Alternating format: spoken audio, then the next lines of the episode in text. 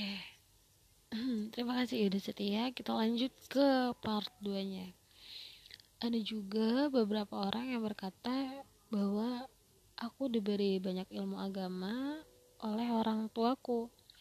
Namun itu salah. Bukan karena pengaruh keluarga aku belajar agama, tapi karena dorongan hati ini. Sebut saja ini hidayah dari Allah aku searching sana sini nanyain ke Mbah Google. Minta buku fikih pada abah kakek aku baca-baca dulu dan lain-lain. Itulah usaha hingga menghasilkan diriku yang sekarang. Bukan bukan diri yang pandai memecah masalah bukan diri yang pandai menjawab ketika ditanya hal tentang agama. Bahkan bukan diri yang baik tapi inilah aku Aku yang sedang berusaha istiqomah, mempertahankan dan meningkatkan ketaatanku. Namun, aku masih berusaha, aku belum mencapai itu semua. Usahaku tak selalu istiqomah, Kak.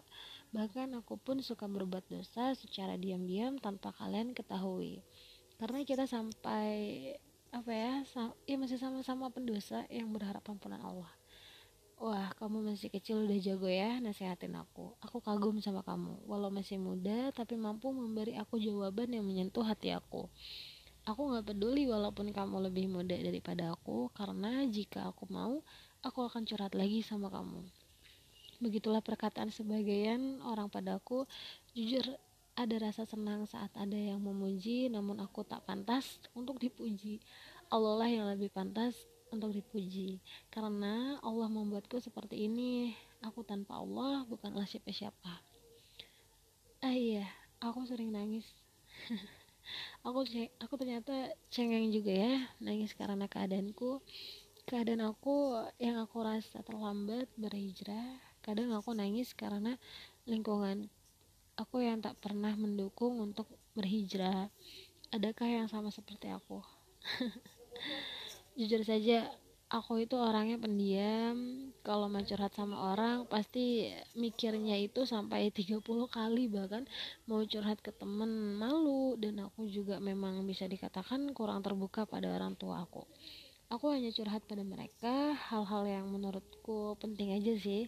Selain itu gak pernah ada kayak sama seperti aku kayak gini hingga akhirnya ketemukan sebaik-baiknya tempat curhat yaitu Allah ya udah deh aku curhatkan aja segala isi hati aku hingga aku terisak. Aku merasa aku ini orang paling bodoh orang yang tak menggunakan waktu 15 tahun ini sebaik mungkin.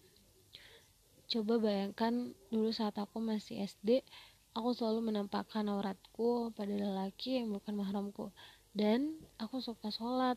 Bahkan tak pernah terlewatkan. Namun bagiku sholat itu nggak sempurna satu serat apa ya nggak sempurna satu persen pun. Kenapa? Karena aku tak mengingat Allah. Karena aku tak menghadirkan Allah seakan Allah itu tak ada dan tak memperhatikan. Padahal Allah itu maha melihat. 15 tahun adalah waktu yang tidak singkat. Bukan dan aku menggunakan waktu yang cukup lama itu hanya untuk bersenang-senang menikmati indahnya dunia. Padahal dunia ini hanya sementara. Kita hanya singgah sebentar di dunia karena kehidupan yang kekal hanyalah di akhirat kelak. Adik-adik kakak-kakak teman-teman mari kita gunakan waktu kita untuk mendekatkan diri pada Allah sekecil apa pun umur kita karena kita nggak tahu kita hidup sampai kapan. Yang dijamin mati cepat itu bukan hanya nenek-nenek atau kakek-kakek bukankah anak-anak juga ada yang mati?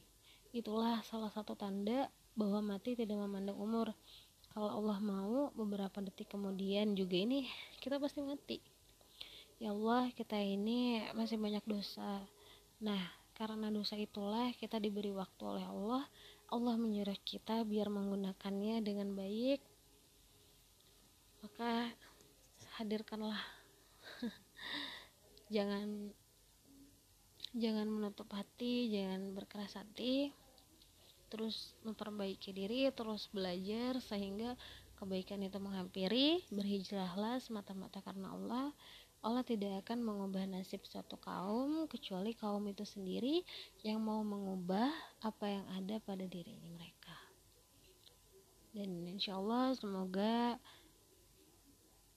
cerita ini curhatan ini menginspirasi teman-teman semuanya.